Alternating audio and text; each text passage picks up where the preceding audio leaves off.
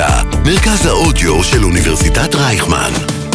כל האוניברסיטה אודיוורסיטי.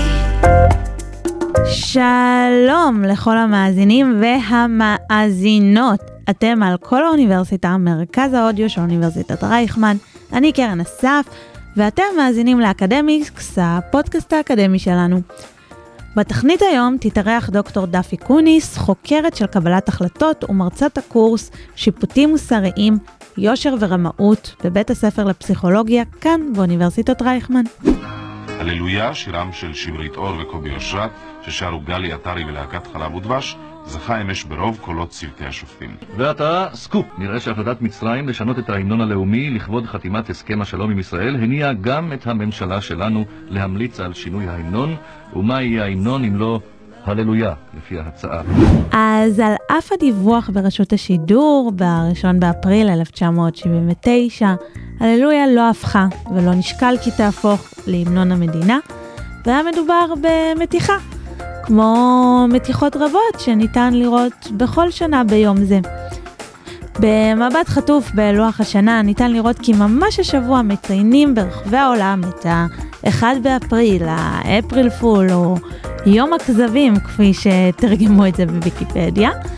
אבל מלבד להזהיר אתכם ואתכן שלא תיפלו בפח, בחלק הראשון של הפרק היום נדבר על ההיבטים הפסיכולוגיים שמאחורי השקרים והכזבים היומיומיים שלנו. ואיפה ניתן לראות את זה? ממש אצל כולנו. מעברון ומתחילים. אקדמיקס. אקדמיה בגובה העיניים. עם קרן אסף. דוקטור דפי קוניס, מרצת הקורס שיפוטים מוסריים, יושר ורמאות בבית הספר לפסיכולוגיה כאן באוניברסיטת רייכמן. איזה כיף שאת איתנו. היי, כיף להיות פה. השבוע מציינים את uh, הראשון באפריל, יום הכזבים הבינלאומי, uh, ואני תופסת את עצמי כאדם uh, אמין, שלא כל כך משקר.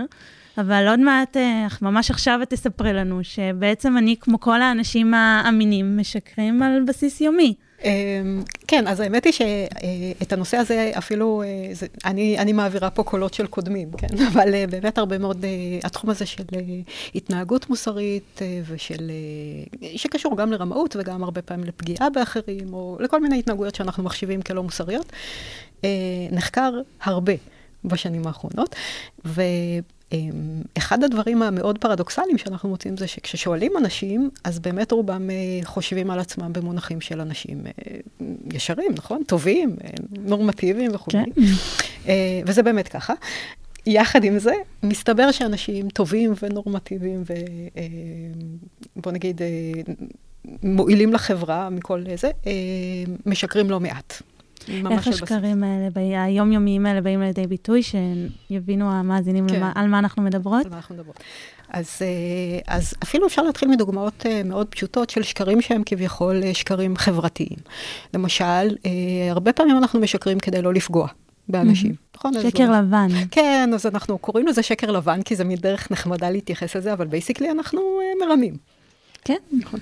אז אנחנו יכולים להגיד לאנשים, אה, החל מ-וואי, איזה יופי אתה נראה, כשזה לא באמת מה שאנחנו חושבים, וכלה בלהסתיר כל מיני אה, רגשות או אה, פעולות שעשינו, שאנחנו חוששים שיכולים אה, לפגוע באחרים, או לגרום להם להרגיש לא, לא טוב. אז אלה השקרים הכביכול יותר מקובלים חברתית, לכן הם קוראים להם לבנים.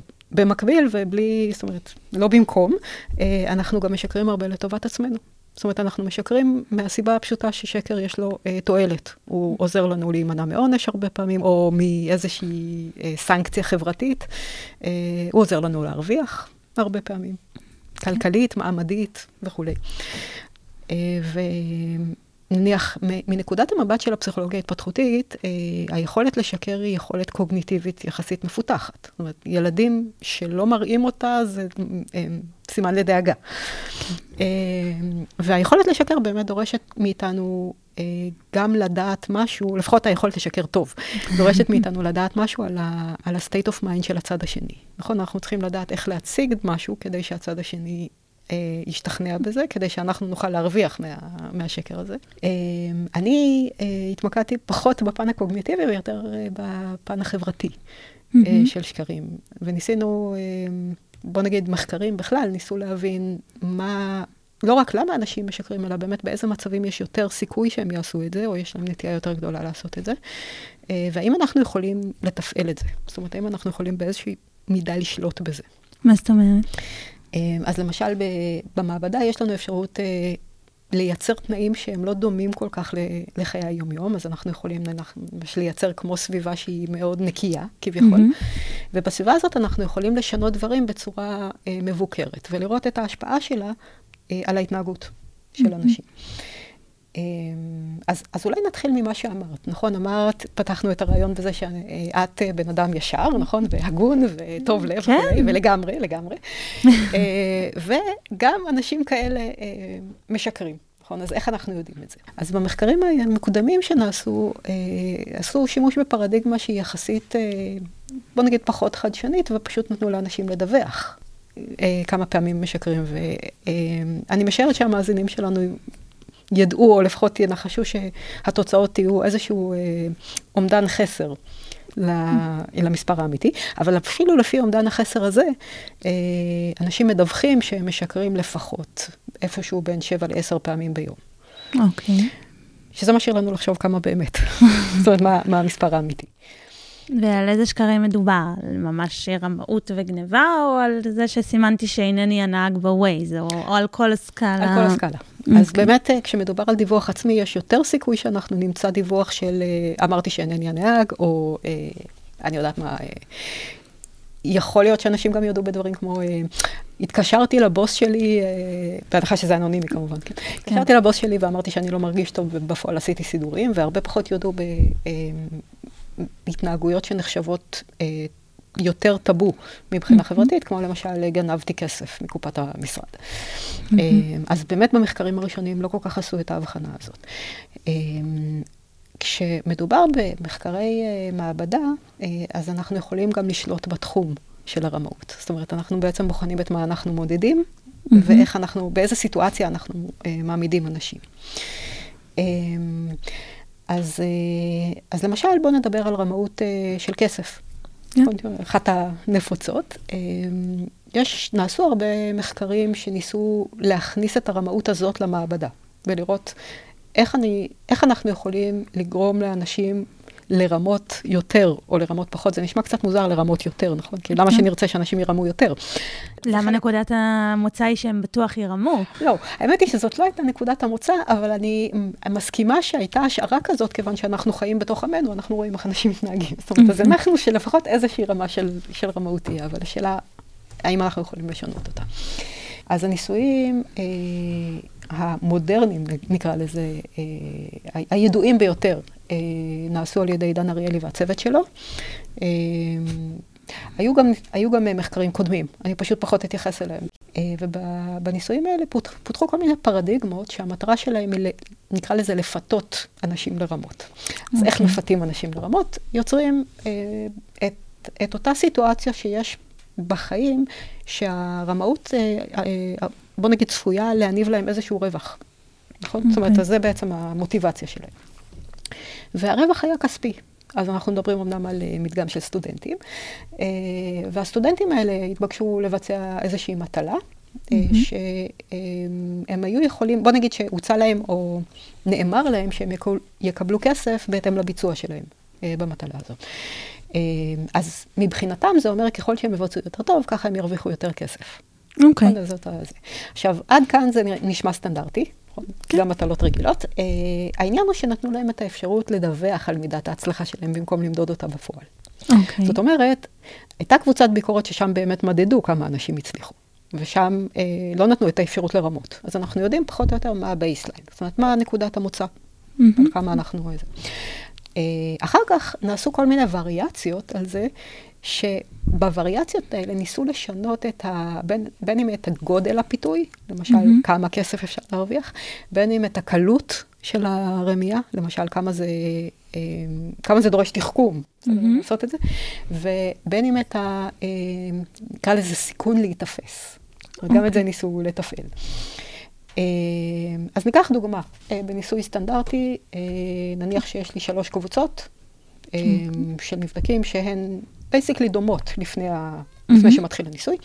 וקבוצה אחת היא קבוצת הביקורת. כשאת אומרת דומות, את- זאת אומרת שהיה ציפייה שיהיה להם תוצאות דומות בבחינה? אה, לא, אני מתכוונת שכאילו מבחינת המאפיינים של האנשים לפני הניסוי, אה, הם מאופיינים פחות או יותר בתכונות אה, דומות. אנחנו, יש פרוצדורה סטטיסטית שאנחנו עושים כדי להבטיח את זה, שנקראת הקצאה מקרית. כלומר, אם לוקחים מדגם מספיק גדול של אנשים, אותה כמות של גברים, אותה כמות של נשים. והרבה אה, מאוד פרמטרים כן. אחרים, לא רק מין. כן. הרבה מאוד דברים. אז אנחנו יכולים, הפרוצדורה הזאת מאפשרת לנו לדעת בביטחון מ- לא מלא, אבל כמעט מלא, אה, שלפני שאנחנו מתחילים את הניסוי, יש לנו קבוצות שהן מאוד דומות בהרכב שלהן. כדי שלא יהיה מצב שבו אנחנו יכולים לייחס חלק מהתוצאות להבדלים מוקדמים, ולאו דווקא למה שעשינו בניסוי. אה, אז היו שלוש קבוצות שהן באמת אה, דומות. קבוצה אחת הייתה קבוצת ביקורת, שמה שאמרנו, הקבוצה הזאת לא יכולה לרמות. זאת אומרת, אשכרה סופרים לה את הביצוע ומשלמים לה בהתאם. למה זה חשוב? כי לביצועים של לוודא הקבוצה מה, הזאת... מה הביצועים שאמורים להיות בדיוק. לשאר. בדיוק. אז אנחנו בעצם משווים את זה לעוגן הזה. Uh, הקבוצה השנייה, uh, ניתנה להם אפשרות לרמות. ואמרו להם, uh, אתם לא צריכים להראות לנו את המטלה, אבל אתם צריכים לדווח לנו כמה תרגילים פתרתם נכון. עכשיו הם יכולים להגיד בעצם מה שהם רוצים. אוקיי. Uh, וכדי uh, לוודא שהם לא מפחדים, זאת אומרת שמה שישפיע על התגובה שלהם זה לא איזשהו פחד מלהיתפס, או לא יודעת מה, משהו שהוא לא איזה, אז אנחנו אומרים להם, uh, תראו, אתם יכולים לשמור את הדפים אצלכם. זאת אומרת, אתם לא צריכים לתת לנו אותם. אוקיי. אה, אז אם נתמקד שנייה בשתי הקבוצות האלה, אז אנחנו מוצאים שבממוצע קבוצת הביקורת פותרת באיזשהו זמן נתון אה, ארבעה תרגילים, וקבוצת הניסוי פותרת שישה. פעם וחצי. כן, 50 אחוז יותר, נכון? עכשיו, יכול להיות שהם יותר חכמים, בשביל זה עשינו את ההקצאה המקרית, כדי לשלול את הדבר הזה, נכון? יכול להיות. אה, אבל נניח שלא. אבל נניח שלא, נכון? יכול להיות שזה באמת אה, משהו התפקשש. אז יש קבוצה שלישית, ובקבוצה השלישית אנחנו גם נותנים להם את האפשרות לרמות. אה, והפעם אנחנו לא אומרים להם אה, להשאיר את הדפים אצלם, אלא אנחנו אומרים להם, הנה יש פה מגרסה ואתם יכולים פשוט לגרוס את הדפים. ומה שהם לא יודעים זה שהמגרסה הזאת לא באמת גורסת את הדפים, היא גורסת רק את הצד שלה. כדי שיצא איזשהו אפקט של... כן, אה, אז יש את הרעש ויש את הזה, אבל בעצם החלק העיקרי בדף הזה של התרגילים נשאר אה, לא פגוע, אז מהמם. אנחנו יכולים לבדוק. אה, הקבוצה הזאת מדווחת פחות או יותר על, אה, על אותו מספר כמו הקבוצה הקודמת שרימתה, זאת אומרת סביב 6, אה, והפעם אנחנו יכולים גם אה, לעקוב אחרי השיירים, כיוון ששוב, בתרגילים אנחנו רואים שבפועל הם פתרו 4. אוקיי. אז כאן אנחנו כבר יכולים להגיד, אוקיי, יש כאן, זאת אומרת, אם, אם נחזור רגע לשאלה הראשונה, אנשים נורמטיביים, נכון, טובים לחברה, הוגנים, פרודוקטיביים, מרמים. אז למה הם מרמים? זאת אומרת, מה... אוקיי. או. אז כאן אה, יש כל מיני תיאוריות אה, בפסיכולוגיה חברתית, החל מתיאוריות ש, שיש להן אוריינטציה יותר כלכלית, נגיד לזה, נקרא לזה ככה, שאומרות, אה, אנשים מרמים בגלל שזה שווה לרמות, נכון? אתה מרוויח מזה. זאת אומרת, למה שלא ואת שני ירמו? דולר יותר. בדיוק, בדיוק. ואם ניקח את זה לחיים, אז הרבה פעמים, ו- ונמיר את זה לאחוזים, הרווחת 50 אחוז יותר, זה כבר משמעותי, נכון? זה פונקציה של זה. אז בעצם השאלה היא למה אנשים לא תמיד מרמים. נכון. אנחנו הולכים על, על הדבר הזה. אה, ושם אנחנו נכנסים, אני באמת מגיעה מהתחום של פסיכולוגיה חברתית, אז אני פחות מה, אה, מהתיאוריות הכלכליות. אני רק אגיד שלפי התיאוריות הכלכליות הסטנדרטיות, הם ירמו יותר ככל שהרווח הוא יותר גדול. פשוט אוקיי. יותר כדאי. הם ירמו יותר אה, ככל שהסיכון שלהם להיתפס יורד, והם ירמו יותר ככל שהם ידעו שגם אם הם נתפסים, העונש הוא כזה. נכון? כן. חצי כוח. אוקיי. אה, אז נעשו באמת כל מיני מחקרים כדי לנסות לברר את הסוגיה הזאת. מסתבר שלפחות בחלק גדול מהמחקרים, לא כולם, אבל בחלק גדול מהמחקרים, הגובה של הרווח משפיע עד גבול מסוים. כלומר, זה לא שזה ככל שיותר זה יותר אה, אה, מפתה, אלא באיזשהו שלב זה דווקא פועל הפוך. כלומר, אם ה... אם הרווח מהרמאות נהיה גדול מדי, לפחות בפרדיגמות של המעבדה, אה, אנשים דווקא מרמים פחות. זאת אומרת, מרגישים, זאת אומרת, זה, זה כאילו מראה שיש פה עוד משהו, עוד איזשהו כוח מנטלי שפועל נגד.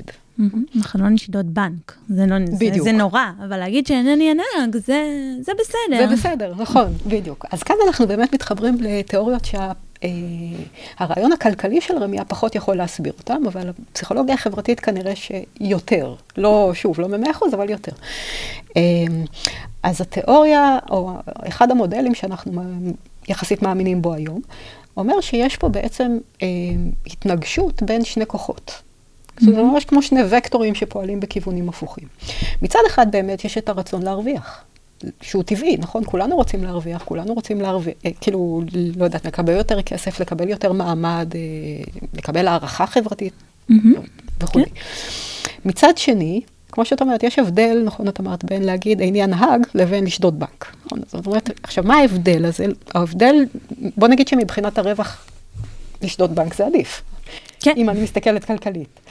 אפילו לשדוד בנק ולהרוג את כל העדים, זה בכלל עדיף. כן, אה, נכון. אה, אבל יש פה כוח אחר שבו, שאנחנו אנחנו מתייחסים אליו כאיזשהו כוח אגו, אגו מלשון כן, הדימוי העצמי המוסרי, שאם אני אה, אומרת את זה במילים פשוטות, אז אנשים רוצים, חוץ מאשר להרוויח, הם גם רוצים להיות מסוגלים לומר לעצמם שהם אנשים טובים ומוסריים וישרים, ולהאמין בזה. ושני הדברים האלה, היית מצפה שהם לא יסתדרו ביחד. זאת אומרת, כי או שאתה מרמה, מהמם. או שאתה בן אדם טוב וישר וכולי. אה, אז, אז אם זה היה באמת איזושהי מערכת רובוטית, זה כנראה לא היה מסתדר ביחד. אבל כיוון שזאת מערכת אנושית, אה, קוגניטיבית, אה, אז אנשים יכולים באיזשהו אופן ליישב את הדברים האלה כל עוד הרמייה או ההתנהגות הלא מוסרית לא עוברת אה, סף מסוים. זאת אומרת, אם אני ארמה טיפה, ואני אצליח להצדיק את זה, זאת אומרת, לעצמי. לספר לעצמי סיפור, למה זה בסדר, למה זה לא באמת רמייה, או למה זה... רמייה קטנה, אבל הרווח ממנה גם לאחרים הוא יותר גדול וכולי. אז יהיה לי בסדר. זאת אומרת, אני אוכל עדיין גם לרמות וגם לתפוס את עצמי כבן אדם טוב. וכאן אנחנו נכנסים למודל הזה של דיסוננס אתי. דיסוננס אתי זו דרך לתאר אה, את הקונפליקט בין הרצון והפיתוי לרמות מצד אחד, לבין הרצון הכביכול הפוך, אה, להתנהג בצורה שתואמת את הדימוי שלי, בעיניי, הדימוי המוסרי שלי. אה, וזה אומר שאם יש דיסוננס, דיסוננס זה בעצם כמו אי התאמה, נכון? או איזשהו, אה, איזושהי צרימה. אז אם יש דיסוננס, אנשים צריכים, אנשים לא אוהבים לחיות בדיסוננס, הם צריכים לטפל בזה איכשהו. אה, שקט נפשי, זה, זה נעים לחיות אה, ולהרגיש שאני אדם טוב. גם, ו- ומה שאפילו יותר חשוב זה להרגיש ש- שאת עקבית עם עצמך. זאת אומרת, גם אם זה בתור בן אדם רע, לפחות את עקבית עם עצמך. אבל אם זה כאילו מתנגש, אז אנשים מרגישים סטרס, הם ממש במצוקה מזה. אה, אז אם ככה, אנחנו נצפה שאנשים, אה, מתי, מתי אנשים בעצם ירמו יותר? כל עוד הם יכולים להצדיק את זה איכשהו. זאת אומרת, אם זה יעבור את המידה הזאת, אז כבר נראה ירידה. אבל כל עוד זה בטווח הזה, שאפשר לספר לעצמך סיפורים ו... ולהאמין בהם, כן? אז אנחנו נראה אנשים שמרמים יותר. אז באמת, אה, חלק גדול מהמחקרים אה, התמקד ברעיון הזה וניסה לראות האם אנחנו יכולים להפחית או להגביר את התחושת דיסוננס הזה, ובאמצעותה להשפיע על המידה שבה אנשים אה, מרמים. אה, לדוגמה, ניקח, יש מלא, אבל ניקח דוגמה ספציפית. אה, אחת הדרכים שאנשים מצדיקים רמאות זה אם, אה, אם הרמאות הזאת, אה, יש לה תועלת לא רק עבור עצמם, אלא גם עבור החברה. אז במחקר אנחנו מדברים על רמאות אלטרואיסטית. למשל, האם אני, נניח שאנחנו משתמשים באותה פרדיגמה כזאת שבה אני יכולה לרמות עבור כסף באיזושהי משימה, אבל בתנאי אחד אני מרמה, זאת אומרת, הכסף שאני מרוויחה הולך אליי. ובתנאי השני, אה, הכסף שאני מרוויחה אה, מתחלק חצי אליי וחצי לתרומה לאיזושהי עמותה לבחירתי. עמותה שאני, כאילו, איפה אנשים ירמו יותר? לעמותה? לעמותה, נכון? עכשיו, כלכלית זה לא הגיוני. כן, אבל- מהרמאות. בדיוק. אבל, אבל מבחינת היכולת שלהם להצדיק את הרמאות הזאת, זה, זה הרבה יותר קל. כי אני אומרת, טוב, אני מרמה בשביל מטרה טובה, נכון? ילדים חולי סרטן ירוויחו מזה. אה, אז אנחנו באמת רואים שרמאות לטובת, או כזאת שלא רק האדם מרוויח ממנה, אלא עוד מישהו, או עוד כמה אנשים, אה, זה מאוד מגביר את ה... עשו מחקר מה קורה ש-100% מהכסף הולך לעמותה? כן, אה, ובאופן מפתיע היית מצפה ששם, בוא נגיד ככה, מה היית מצפה? אה, אולי אפילו פחות מאשר אה, חצי-חצי. זאת אומרת, נגיד מבחינה כלכלית אין ממש אה, סיבה לרמות במקרה הזה, נכון? נכון. אבל בכל זאת אנשים מרמים. אותו דבר? בוא נגיד, ההבדלים הם לא תמיד מובהקים. לפעמים כן מוצאים קצת הבדלים, אבל לא משהו שהייתי אה, שמה את ידי באש. אז, אז אנשים מרמים אפילו אם הם לא מרוויחים מזה ישירות את הכסף, וכאן עולה שאלה, אוקיי, אבל מה הם כן מרוויחים מזה, נכון?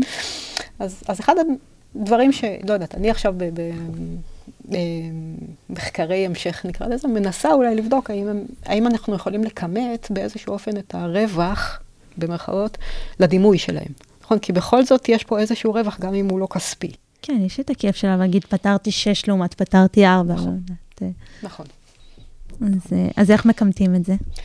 אה, אז, אז קודם כל אנחנו מנסים, אני ניסיתי, כן, לבדוק אם זה קורה באמת כשאין בכלל תגמול כספי. לא, לא לך ולא לעמותה.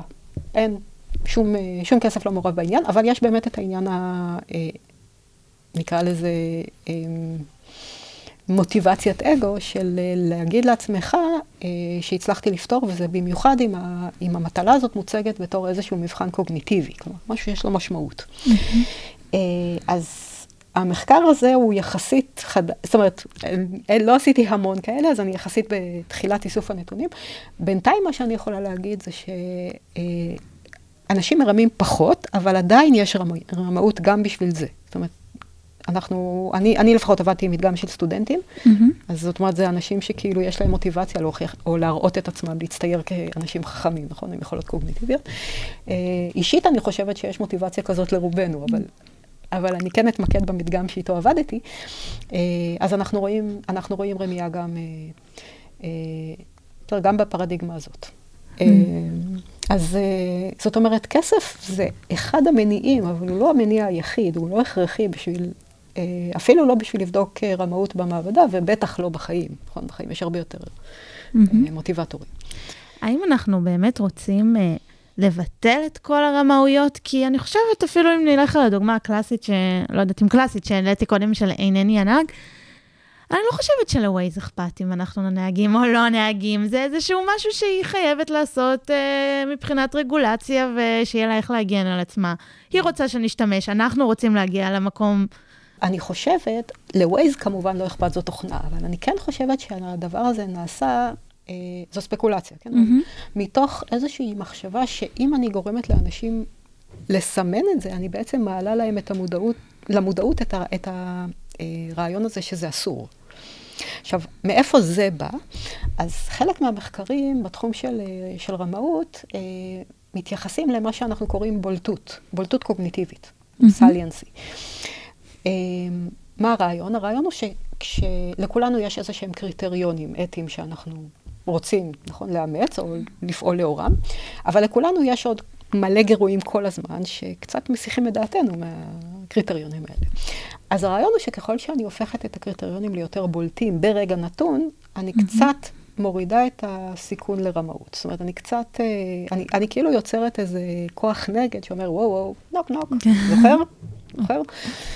אה, אז אני חושבת שזה מה שווייז ניסו לעשות. אה, וניסו לעשות את זה גם, גם במבחנים uh, באוניברסיטה, עם נכון. הצהרת uh, כן. אמינות. זה נכון. עובד?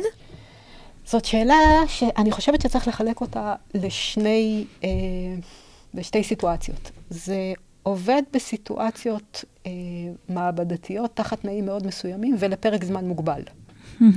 בשטח זה הרבה פחות יעיל. אה, כלומר, אה, למשל, אני ניסיתי לעשות את זה, אגב, המחקר הזה של הצהרת אמינות הוא לא שלי, ויש גם הרבה ביקורת עליו עכשיו, אני לא מכירה מאוד אה, טוב את החומרים, אז אני לא יכולה להתייחס לזה, אבל אני כן יכולה להגיד שניסיתי לעשות מין יישום שלו אה, באוניברסיטה הפתוחה, שאני מלמדת גם שם, בין היתר. אה, באוניברסיטה הפתוחה יש תרגילים, אנחנו קוראים לזה ממ"נים, זה מטלות כאלה שצריך להגיש אחת לאיזשהו פרק זמן. אה, והרעיון הוא כמובן שכל אחד פותר את המטלה אה, בעצמו ומקבל עליה ציון. אה, בפועל זה כמובן לא מה שקורה. אוקיי. אוקיי. אז יש קבוצות וואטסאפ ומתייעצים, ויש פייסבוק אוקיי. וכולי, ויש גם, מתייעצים זה אגב בסדר, אבל כן, כי כשאמרת, זה לא מה שקורה, אז חשבתי, מה, אנשים כל שבוע שוכרים מישהו שיעשה להם את העבודה, למה הם עושים תואר? ואז את אמרת, הם מתייעצים, אה, לא, זה הרמאות שהיא בסדר. זה רמאות שהיא בסדר, אוקיי. אז, אה, אז נכון, אז קודם כל יש באמת איזשהו סולם רמאות נתפס, נכון? כלומר, להתייעץ זה בסדר, אה, להתייעץ בזמן מבחן זה פחות בסדר, אבל עוד איכשהו מישהו אחר יפתוח את זה כבר לא. זה כבר קשה להצדיק, נכון. אה, אז, אה, אז יש שם כל מיני אה, רמות של רמאות, בסדר? החל, מלהתייעץ בקטנה, שזה אולי באמת, לא, וכלה בלקחת מטלות קודמות as is ולהגיש אותן אפילו בלי לשנות את השם למעלה. בכל מקרה, אז, אז רציתי לנסות לראות האם הדבר הזה יכול לעשות איזשהו שינוי בשטח. אז במשך סמסטר אחד יצרנו את חוברת המטלות הזאת, כך שלפני כל מטלה, אנשים היו צריכים לחתום בראש המטלה, mm-hmm. והיה שם ממש מין אה, אה, נוסח קבוע, שאומר, אני מצהיר שפתרתי בעצמי את המטלה ושלא העתקתי ולא אה, אף אחד אחר לא עזר לי וכולי וכולי וכולי, ואנשים חתמו, ובלי החתימה הזאת אה, המטלה לא הייתה נבדקת. ניסינו לראות מה קורה. אז מה שראינו, לפחות סטטיסטית, אה, היה, הייתה ירידה קטנה במטלה הראשונה, יחסית.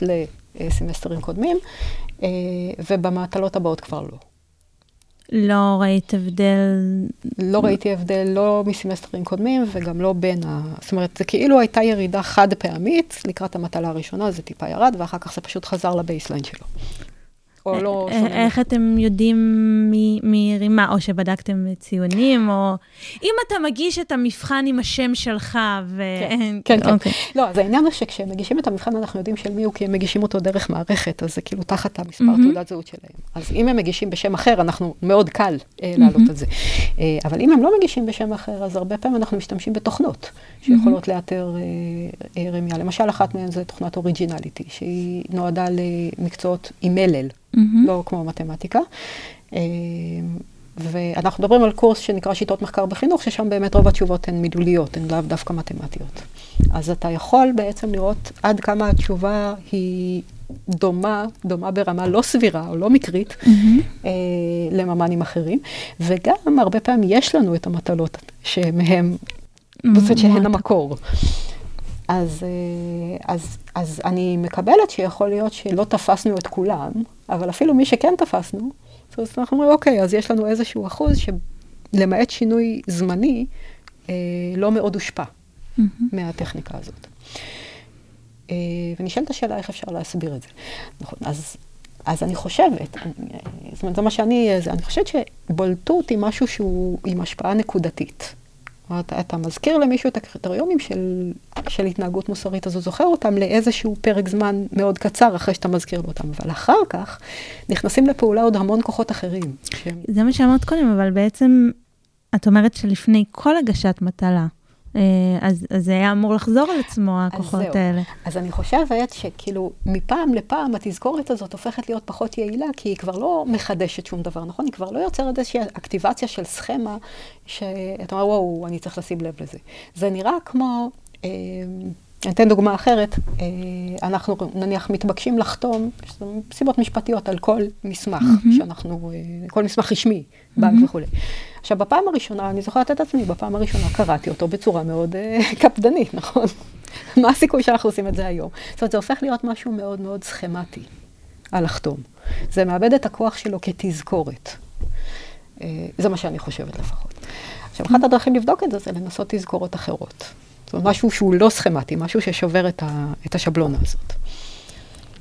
מה אפשר לעשות? יש איזה שהם אה, עוד, חוץ מלשבור את הסכמה, דברים שאפשר לעשות כדי שנשקר פחות? כדי שנשקר פחות.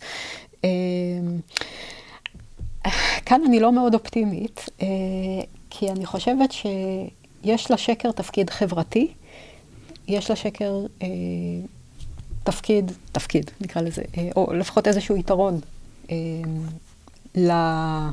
נקרא לזה well-being האישי שלנו. אני לא חושבת שאפשר להימנע מזה. אני גם לא יודעת אם רצוי להימנע מזה לגמרי. אבל אני כן חושבת שאפשר אולי לייצר סיטואציות שבהן ב, אה, בהקשרים מסוימים, אלה שיותר חשוב לנו לשמור בהם על יושר, אה, אפשר יהיה להפחית את המוטיבציה לשקר.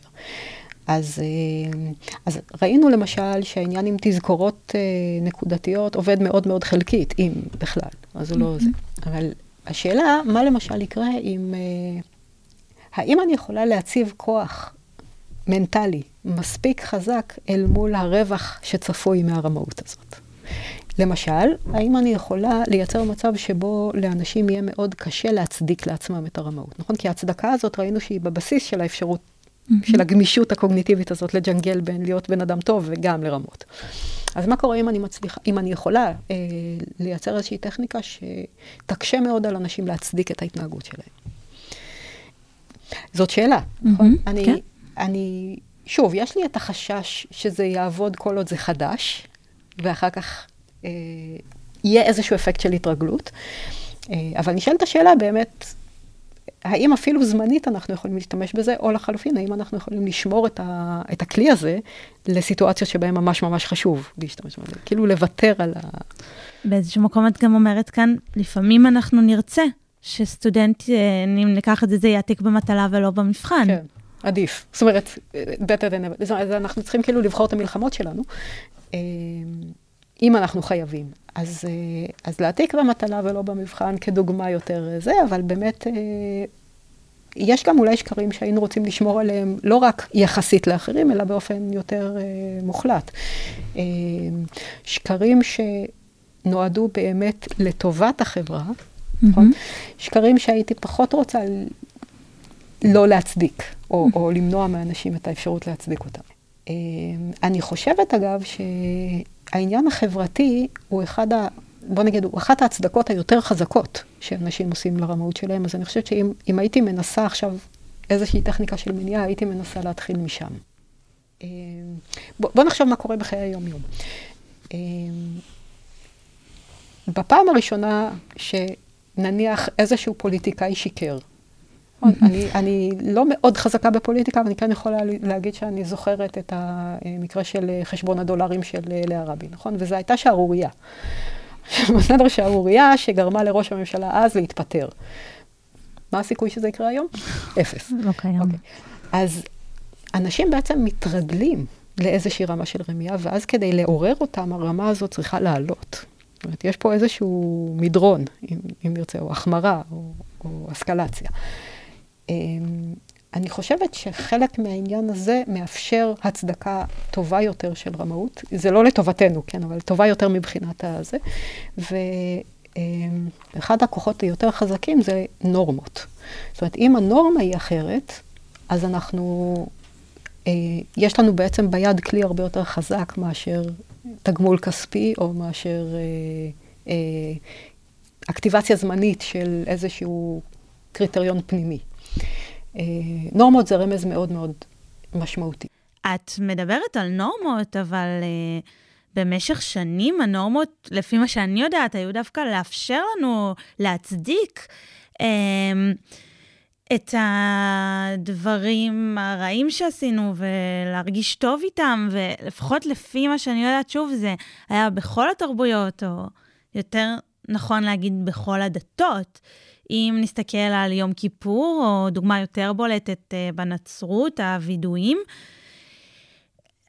לאפשר את הווידויים האלה נשמע הפוך ממה שהדעת תרצה לקדם חברתית. כן, זהו, אה, וידוי זה באמת אה, חלון הזדמנויות, אפשר להגיד את זה. ואחד הדברים שהובילו את החוקרים בהקשר של רמאות זה להבין, אוקיי, אז אם אנשים מרמים, ואם אנשים גם באיזשהו אופן מתרגלים לרמאות, במובן זה שדרושה רמה יותר ויותר אה, גדולה בשביל לזעזע, ויש גם תופעה שנקראת אה, slippery slope, זאת אומרת, עם הזמן אנשים...